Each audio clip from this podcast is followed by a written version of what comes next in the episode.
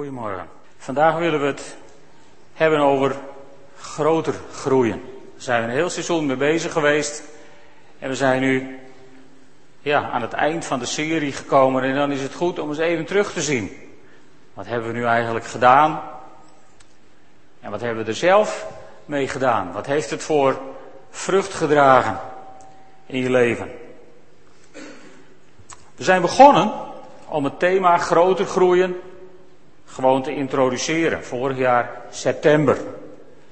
En toen hebben we stilgestaan bij de tekst uit 1 Korinthe 3, vers 1 tot 7. En ik lees hem jullie voor. Maar broeders en zusters, ik kon niet tot u spreken als tot geestelijke mensen, schrijft Paulus aan de gemeente in Korinthe. Ik sprak tot mensen van deze wereld, tot niet meer dan kinderen in het geloof in Christus. Ik heb u melk gegeven, geen vast voedsel. Daar was u niet aan toe. En ook nu nog niet. Want u bent nog gebonden aan de wereld. Wanneer u afgunstig en verdeeld bent, dan bent u toch gebonden aan de wereld. En dan leeft u toch als ieder ander. Wanneer de een zegt ik ben van Paulus en de andere ik van Apollos, bent u dan niet als alle andere mensen? Wat is Apollos eigenlijk en wat is Paulus? Zij zijn niet meer dan diakenen, staat er in de grondtekst, die u tot het geloof hebben gebracht. Beiden op de wijze die de Heer hun heeft geschonken. Ik heb geplant, Apollos heeft water gegeven, maar God heeft doen groeien. Het is niet belangrijk wie plant of wie begiet. Alleen God is belangrijk, want Hij doet groeien.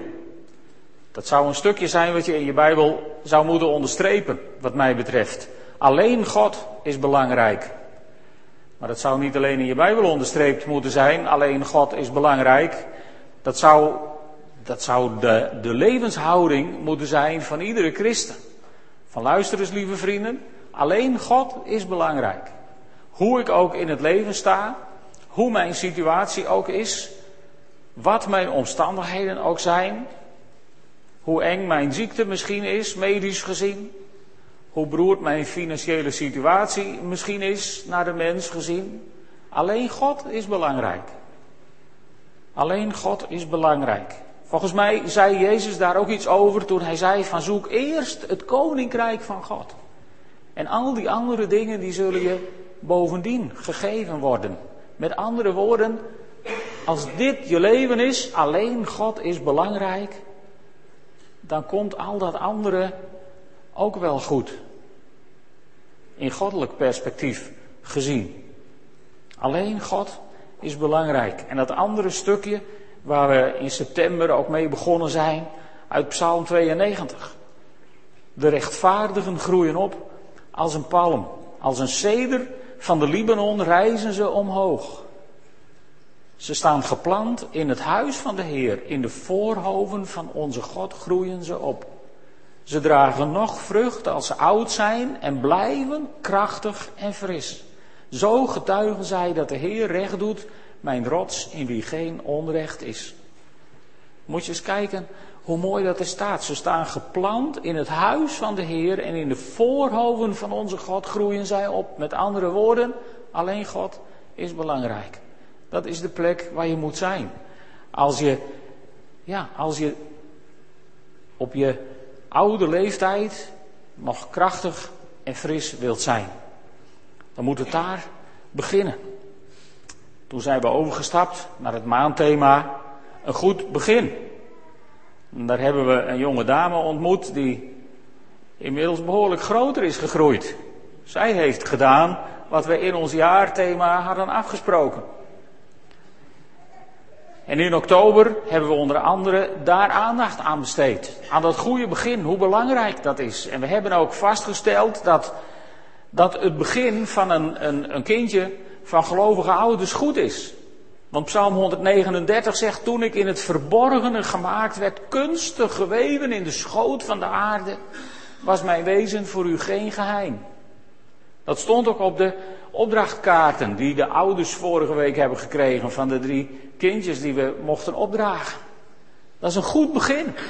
Als, als je begint onder de ogen van God, in het verborgene, voor nog geen mens waarneembaar, dan heb je een vliegende start, om het zo maar te zeggen.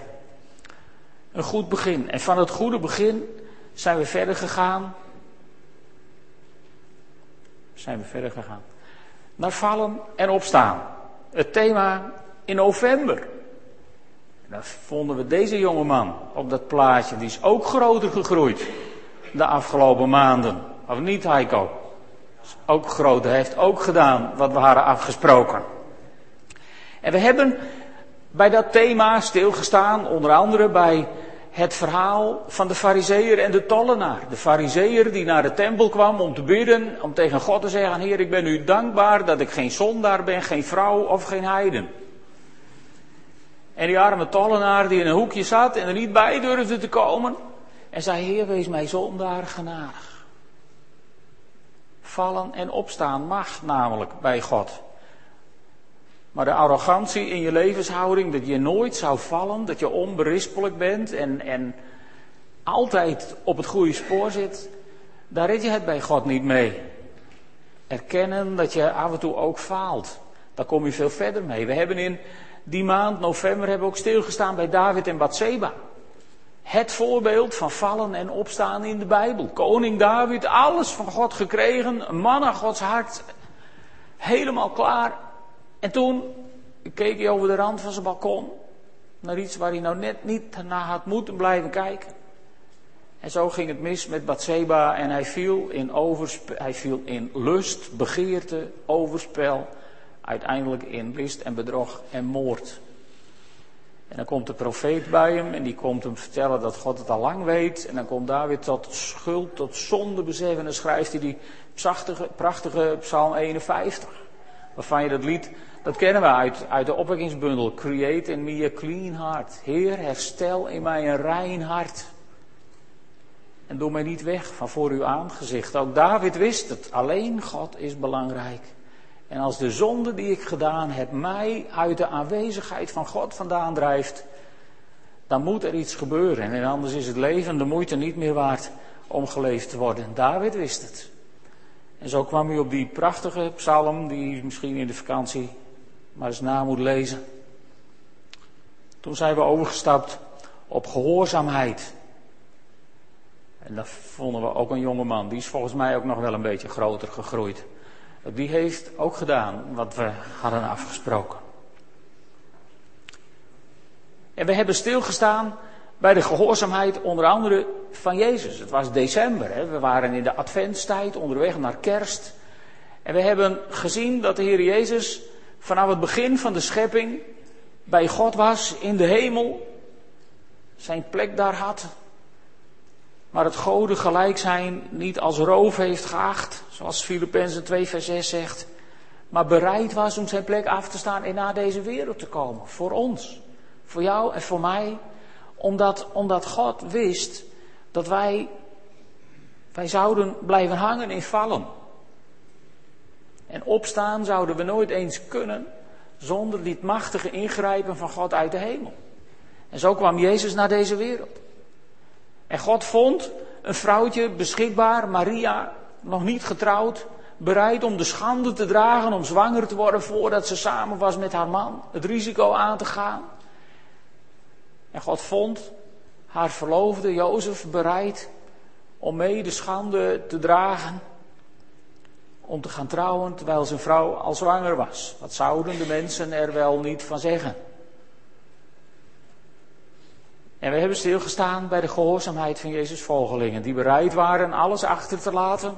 En toen Jezus zei, kom en volg mij, de netten die ze in de handen hadden uit hun handen lieten vallen, zich omkeren en Jezus volgden. Als voorbeeld voor gehoorzaamheid.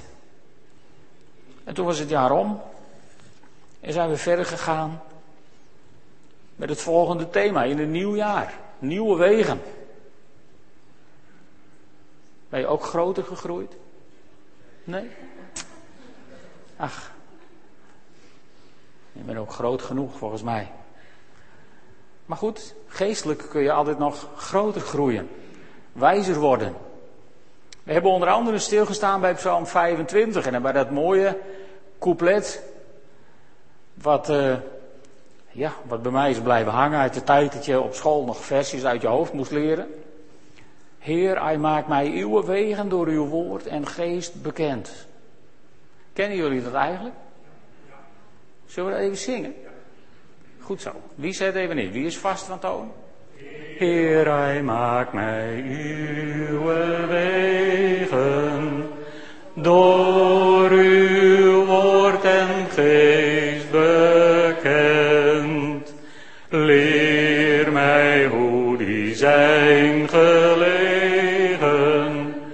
en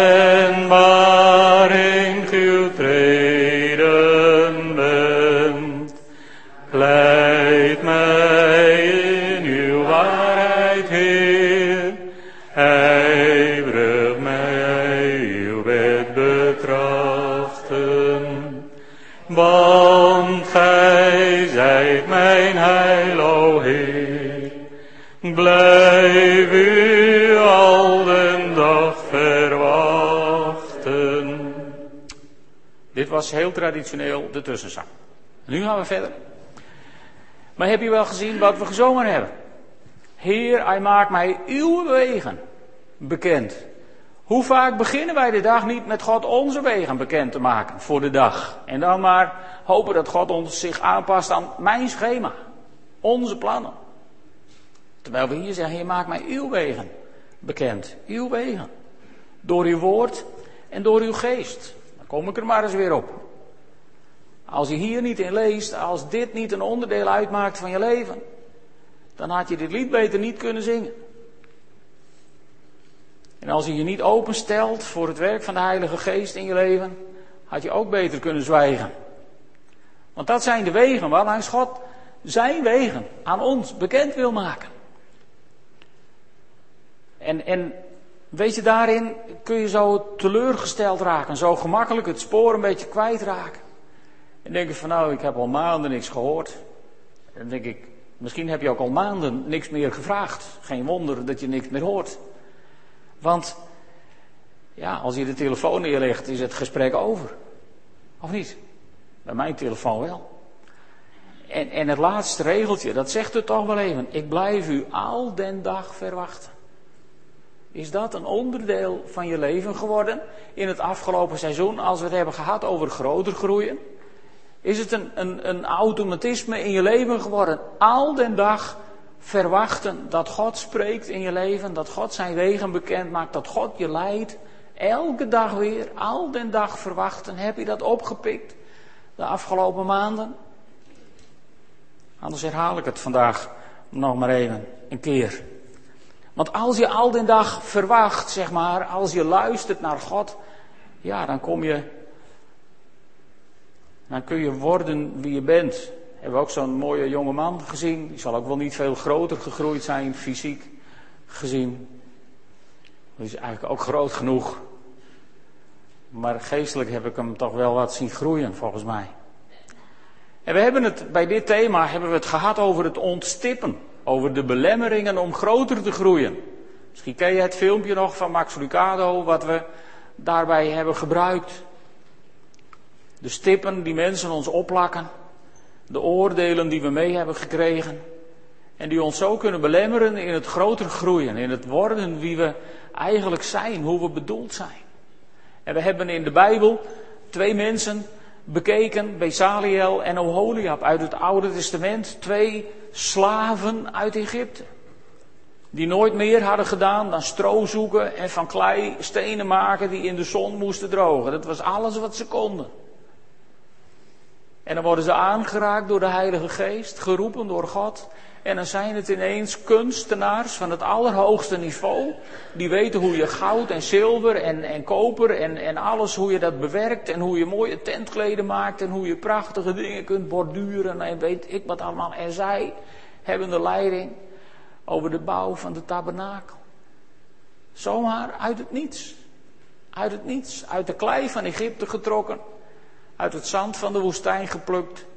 En door God op een plek neergezet waarvan je zou zeggen, hoe is het mogelijk dat ze het kunnen? Geen kunstacademie en toch zo'n kunstwerk neerzetten.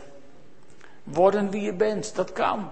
Dat kan als God in je leven de ruimte krijgt om met je bezig te zijn. Als je hem inderdaad altijd en dag blijft verwachten, dan ga je worden wie je bent. Maar daarbij moet, moet draaien om God. We hebben het in die tijd gehad over de middelpunt zoekende kracht.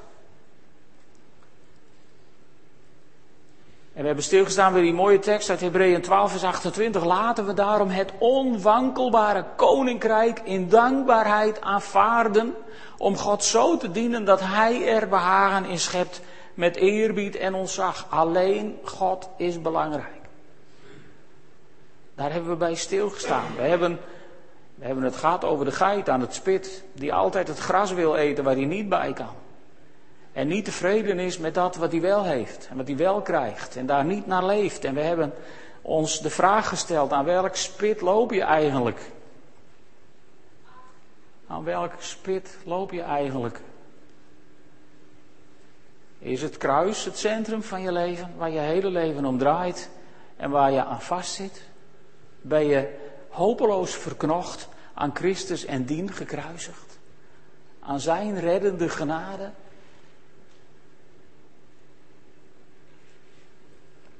Dat heb je nodig om op eigen benen te kunnen staan. Daar hadden we ook een mooie foto voor.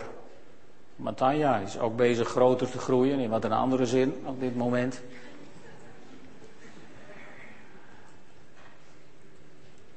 En we hebben bij deze tekst stilgestaan, uit Galaten 4, uit het boek.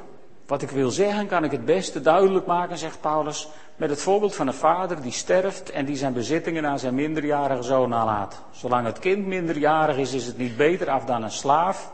Al zijn alle bezittingen van hem, hij heeft er pas iets aan als hij meerderjarig is. Hij moet doen wat zijn voogden en beheerders van de erfenis hem zeggen. Pas als hij de leeftijd heeft bereikt die zijn vader in het testament heeft genoemd, mag hij met de erfenis doen wat hij wil. En we hebben daarbij vastgesteld dat wij in Christus mede erfgenamen zijn geworden van alle glorie en heerlijkheid die God voor zijn schepping heeft bedoeld, voor zijn kinderen. Wij hoeven niet te wachten tot God dood is. En anders zijn er genoeg mensen die dat inmiddels beweren. Maar dat is niet waar. Alleen Jezus Christus is wel voor ons gestorven. En als wij met Hem gestorven en begraven zijn in het water van de doop. Ja, dan, dan zijn we inmiddels in ieder geval erfgenaam geworden. En als we genoeg groter gegroeid zijn, genoeg gegroeid zijn in Christus en, en, en volwassen zijn geworden, dan mogen wij bepalen wat we met de erfenis doen. Zolang we binnen de kaders blijven van Heer, Hij maakt mij uw wegen door uw woord en geest bekend. Dat zijn de grenzen. Het spit waar we aan lopen, de draad waar we aan vastzitten, aan het kruis. En zo zijn we christenen geworden, hoop ik maar, die op eigen benen staan, volwassen zijn geworden en bereid zijn om grenzen te verleggen. Nou, bij dames ga ik het verder niet hebben over groter groeien. Want we doen in onze maatschappij tegenwoordig allemaal heel veel moeite om wat kleiner te groeien, is het niet zo? Maar geestelijk hoop ik dat we niet aan de lijn zijn. Dat we niet op dieet staan. Alhoewel er veel geestelijke anorexia-patiënten volgens mij in dit land rondlopen. Die zichzelf geestelijk gezien zwaar verwaarlozen. Grenzen verleggen. Grenzen verleggen. Dat was in de maand van Pasen. We hebben het gehad over, over, over de grenzen die Jezus verlegde. In het avondmaal, toen Jezus het instelde, verlegde hij definitief een grens. Want hij zei, deze beker is het bloed van het nieuwe verbond. Er werd een grens verlegd. Er werd een nieuw verbond met ons mensheid gesloten om bij God te kunnen komen. En gemeenschap met Hem te kunnen hebben. En toen Jezus aan het kruis hing en uitriep, het is volbracht, werd er een grens verlegd. Toen was het klaar. Er was verzoening gedaan voor al mijn zonden, zodat ik vrij en rechtvaardig tegenover God zou kunnen staan. Ik niet alleen, maar wij, als kinderen van God. Is dat ook iets wat dagelijks gewoon in je gedachten is? Of, of, of hoor je bij die christenen die altijd met het hoofd naar beneden lopen van, ach, ik ben een arme zondaar. Ik zag eh, in het Fries Dagblad stond een interview met Willem Aantjes van de ARP. En, en ik vond het heel leuk om het te lezen. En dan staat er aan het eind zo'n zinnetje van ja, maar straks het oordeel, je weet maar nooit. Dan denk ik, je weet maar nooit, je weet maar nooit. Er is geen veroordeling voor hen die in Christus Jezus zijn. Wij zijn gekocht en betaald met het kostbare bloed van Jezus Christus. En die is toch niet voor de flauwekul aan het kruis gestorven. Zodat we onzeker door het leven moeten en zeggen aan het eind, je weet het maar nooit. In Christus zijn wij geborgen en beschermd tot in alle eeuwigheden. Is dat de zekerheid van je geloof geworden in het afgelopen jaar? Ben je groter gegroeid zodat je daarin staat? Hij zegt, halleluja, prijs de Heer, ik ben gekocht en betaald, ik ben gered. Ik ben gered, behouden, voor altijd. En toen Jezus weer opstond, werd er weer een grens verlegd, waardoor we konden zingen, nu jaagt de dood geen angst meer aan, want alles, alles is voldaan. De dood jaagt zelfs geen angst meer aan door het sterven en opstanden, opstanding van Jezus Christus. En, en sinds die tijd kunnen wij mensen leven in zijn opstandingskracht. Het was ook in die tijd dat, dat we die mooie tekst hebben gevonden uit Efeze 1, vers 9, uit de herziene statenvertaling, waar, waar het zo mooi staat dat we mogen leren kennen de alles overtreffende grootheid van zijn kracht. Weet niet of je het nog weet. Toen hebben we nagedacht over wat dat betekent. Alles overtreffend. Alles overtreffend. Beyond measure, zoals het in een Engelse vertaling zo mooi staat. Dus, dus boven elke maat verheven. En toen hebben we weer vastgesteld, er kan geen omstandigheid in je leven zijn die groter is dan de kracht van Jezus Christus. Want dan is het niet alles overtreffend. Alles overtreffend, alles te bovengaand. Grenzen verleggen. En als je zo grensverleggend bent aangeraakt, kon je je plek innemen in het koninkrijk. Ook iemand die niet groter is gegroeid, maar een beetje kleiner, fysiek. Je plek innemen. Je plek innemen als het zout der aarde. Als bederfwerende mensen in deze maatschappij, zijn we dat nog? Ben je dat in jouw omgeving? Bederfwerend en smaakmakend? Hoe smaakmakend zijn we eigenlijk als christenen? Het is toch treurig als, als heel veel mensen die niet naar de kerk gaan, de kerk omschrijven als saai en, en, en niet interessant en niet spannend. Wij zouden het meest, meest smaakmakende, het spannendste evenement van de week moeten zijn. Elke week opnieuw. Daar moeten we, daar moeten we God om zoeken. Dat, dat is zo belangrijk dat de kerk weer het smaakmakende element in de maatschappij wordt. Veel spannender dan de voetbalwedstrijd van vanavond. Want over vier jaar komt er een nieuwe wereldkampioen en dan doet die oude er niet meer toe. Maar de overwinning van mijn Heer Jezus Christus, die is tot in alle eeuwigheid. De finale die hij won, die wordt nooit weer overgespeeld. De duivel is verslagen voor goed en voor eeuwig en voor altijd. Leef je daarin? Lieve vrienden, leven we daarin? Zijn we zo groter gegroeid het afgelopen jaar? Dat we zo in het leven kunnen staan als licht voor de wereld, voor mensen die in duisternis ronddwalen en op zoek zijn naar enig houvast voor hun leven. Zijn wij daarvoor het licht waardoor ze de weg tot God kunnen vinden. Dat is een onderdeel wat we het volgende seizoen veel verder willen uitwerken met elkaar. Want durven we daarin ook onze nek uit te steken? Durven we daarin ook onze nek uit te steken? Ik ben ook niet veel groter gegroeid, denk ik, hè, maar geestelijk vast wel. Ja, hè? Ja, zie je? Absoluut. Je nek uitsteken.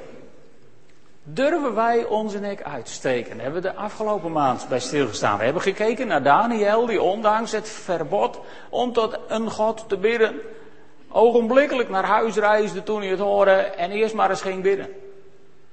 Zitten wij zo in het leven? Zijn wij zo op God gericht dat als het even tegen zit en het leven ons moeilijk wordt gemaakt, dat onze eerste weg naar God is om te bidden, Heer, hij maakt mij uw wegen door uw woord en geest bekend. Hoe moet ik reageren op deze situatie? Wat wilt u dat ik vandaag doe? Is dat bij jou al een automatisme geworden? Of sla je eerst terug, of schrijf je eerst een boze e-mail terug als je een mail hebt gehad, of whatever. Of ga je eerst naar God van hoe moet het nu? Ook een plekje, een, een mogelijkheid om te groeien. En toen kwamen we terecht bij Elia, die ook zijn nek uitstak. En voor het eerst een offerwedstrijd uitschreef, hoewel het in de Bijbel helemaal nergens te vinden was dat het überhaupt mocht. Maar hij deed het toch. En, en daar waar God zich wonderbaarlijk manifesteerde. En het hele volk uitriep, ja maar de Heere is God. En toen hebben we nagedacht hoe we zelf onze nek kunnen uitsteken. Weet je het nog? Dat we bij die tekst hebben stilgestaan. Vraag en je zult ontvangen. Zoek en je zult vinden. Klop en er zal voor je worden opengedaan. En dat we hebben gezien dat dat ging over dat de vragende zou ontvangen en de zoekende zou vinden en de voor de kloppende zou open gedaan worden. En zodra je ermee ophoudt, is die tekst niet meer van toepassing. Ben je nog steeds zoekende? Is het nog steeds waar in jouw leven? Ik zal u al den dag verwachten. Is dat je levenshouding geworden? Anders daag ik jullie opnieuw uit vanmorgen om, om dat tot je levensstijl te maken, tot de kern van je leven. Ik blijf u al den dag verwachten. Heer, hij maakt mij uw wegen door uw woord en geest bekend. Want alleen God is belangrijk. En wat komt er veel tussen? Maar laten we blijven vragen en zoeken en kloppen en onze tent wijder uitzetten. Het is zo belangrijk in een mensenleven dat we groter gaan denken, zodat we ook groter kunnen gaan groeien. En tante Nel is misschien niet veel groter gegroeid, maar ze is wel zo groot gegroeid in haar leven, dat ze vorige week tegen me zei, van als de Heer me thuis haalt, dan ben ik er klaar voor. Dan is het goed, ik weet waar ik heen ga. Dan ben je volgroeid in het leven, dan hoef je niet nog groter te groeien in je ouderdom. Maar als je ze hier dan binnen ziet komen, en hopelijk krijgt ze de kans daar toch nog eens weer voor. Ook zij heeft het erg moeilijk met deze warmte. En toch, als ze binnenkomt met die glimlach van oor tot oor en een snoepje voor de kinderen en de voorganger. Ach, dan is ze ook nog smaakmakend. Of niet? Prachtig en fris in haar hoge ouderdom. Zijn wij zo groot gegroeid het afgelopen seizoen? Dat is eigenlijk de vraag die ik tot slot bij jullie neer wil leggen. Zijn we groter gegroeid? Brengen we al vrucht voort? Want dat is geen vrijblijvend, vrijblijvend iets. In Romeinen 7, vers 4 staat: Ons leven moet vrucht dragen voor God. En dat is het, het laatste onderwerp waar ik even naar wil kijken. Vrucht dragen. Ik wil met jullie lezen uit Johannes 15. Dit was de inleiding, nu begint de preek. Johannes 15, vers 1 tot 17.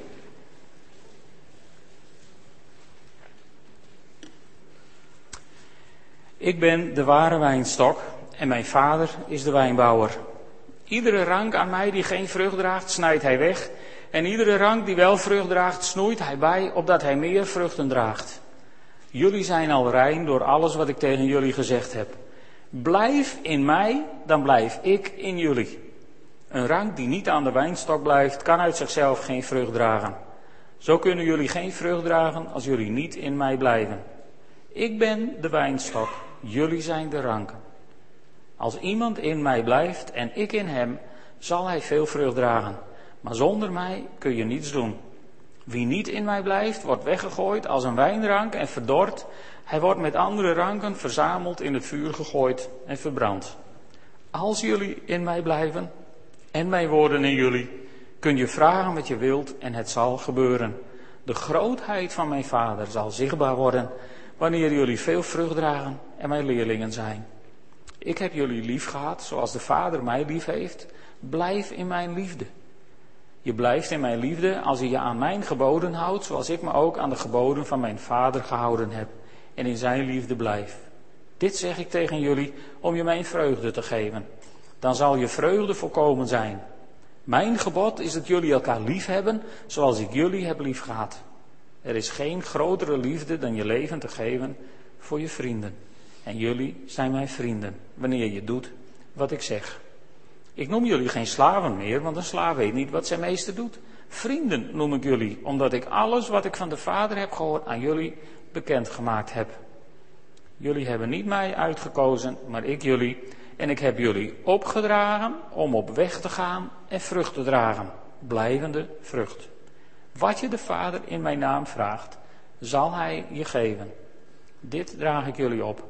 Heb elkaar lief.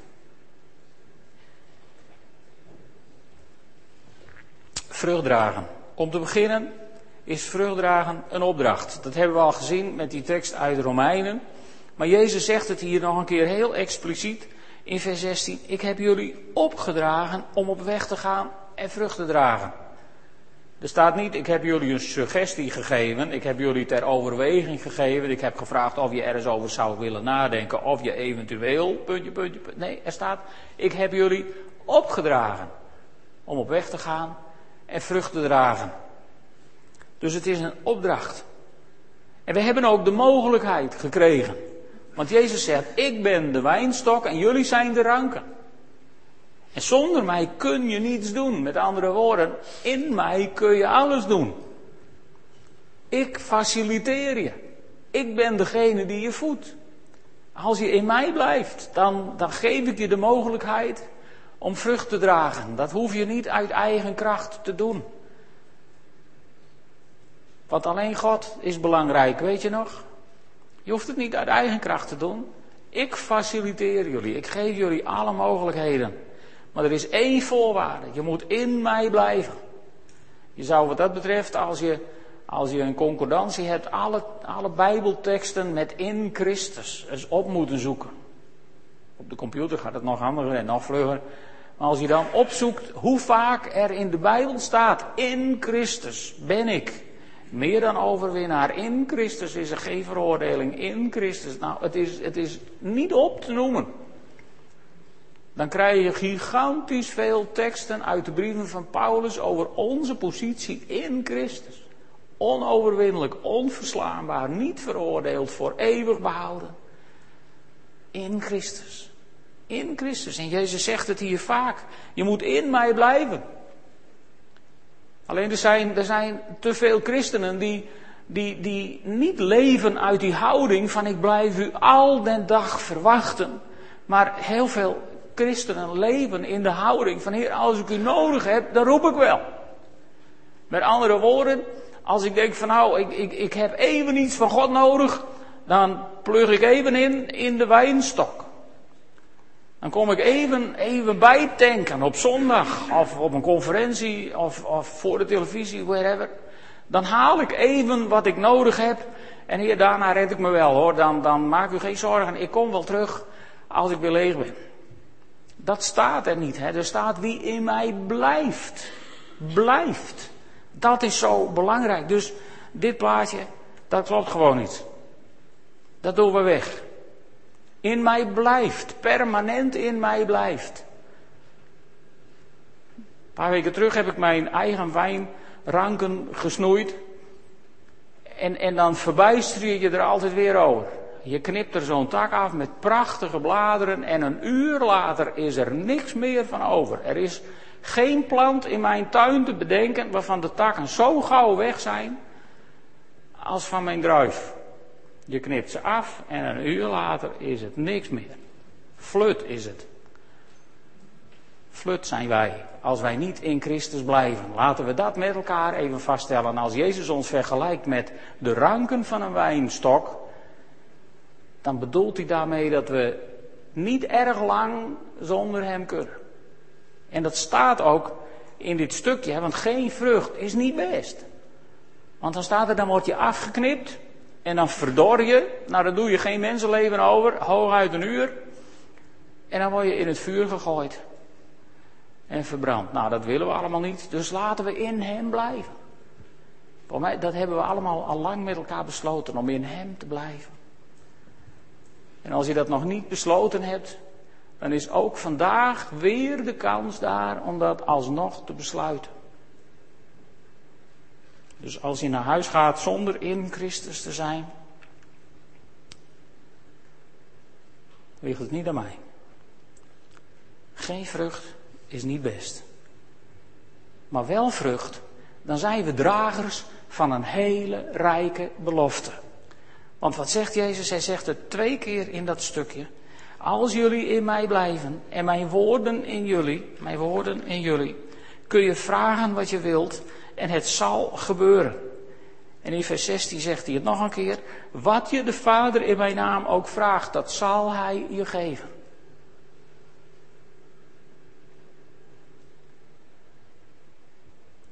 Als het jullie net zo gaat als mij, dan lees je zo'n tekst en dan denk je, nou, niet altijd. Vervolgens hebben wij daar theologen op losgelaten, die, die allerhande leren hebben uitgevonden om aan te geven dat deze tekst niet zo letterlijk genomen moet worden. We hebben bedelingen leren bedacht, waarin we hebben gezegd, nou dat is van, niet meer van deze bedeling, niet van deze tijd. We hebben er hele diaconale redenen voor bedacht en we hebben er pastorale redenen voor uitgevonden. We hebben van alles uitgevonden om deze tekst en deze woorden van Jezus te ontkrachten. Wat je vraagt, zal Hij je geven. Vraag wat je wilt en het zal gebeuren. En in de voorbereidingen de afgelopen week heb ik echt geprobeerd om een excuus te vinden. En het enige excuus wat ik in mijn stille tijd heb gevonden, is dat God heel subtiel, hele voorzichtige suggestie deed.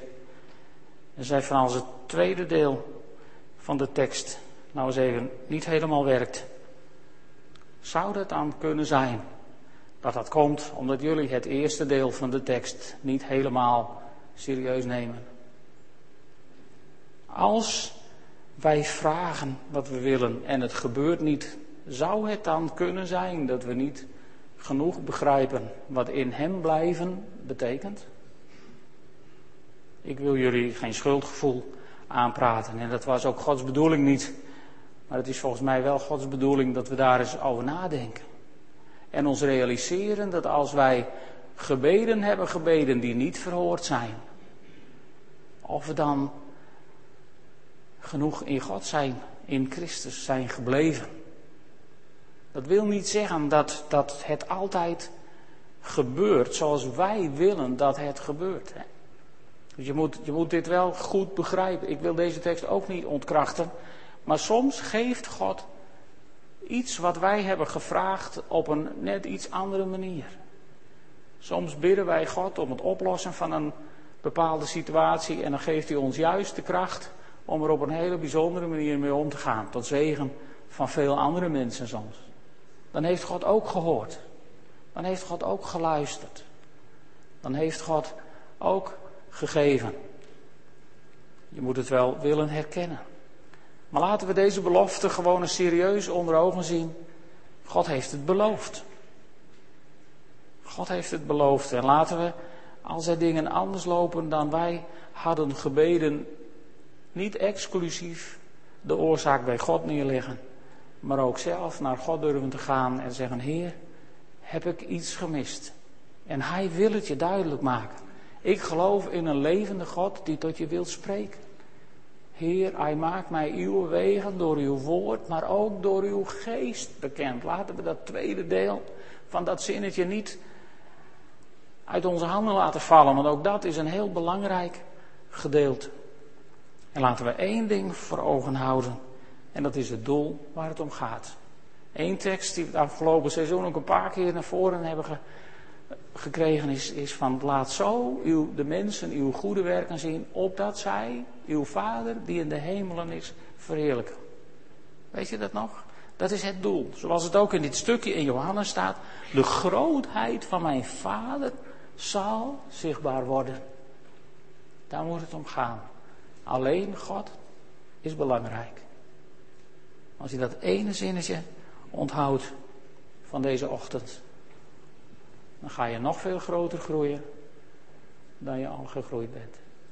Alleen God is belangrijk. Zullen we samen bidden?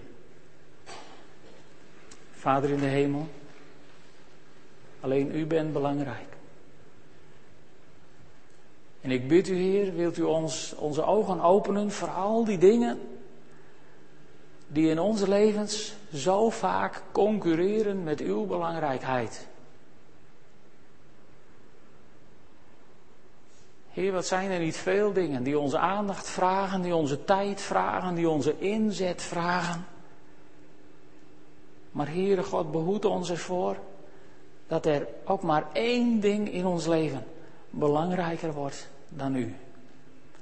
Heer, zelfs geen financiële zorgen, zelfs geen, geen zorgen om, om, om een baan, zelfs geen zorgen om onze gezondheid, zelfs geen zorgen om ons leven.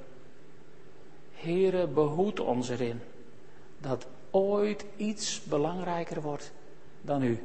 Alleen u bent belangrijk. En als wij in Christus Jezus, uw Zoon, blijven, blijven we in u. Leer ons hoe dat moet. Heer, hij maak mij uw wegen door uw woord en geest bekend. Leer mij hoe die zijn gelegen en waarheen, waarheen gij uw schreden wendt. En spoor ons zo aan door uw geest, Heer God, dat we eerlijk tegen elkaar kunnen zeggen, ik blijf God al den dag verwachten. Amen.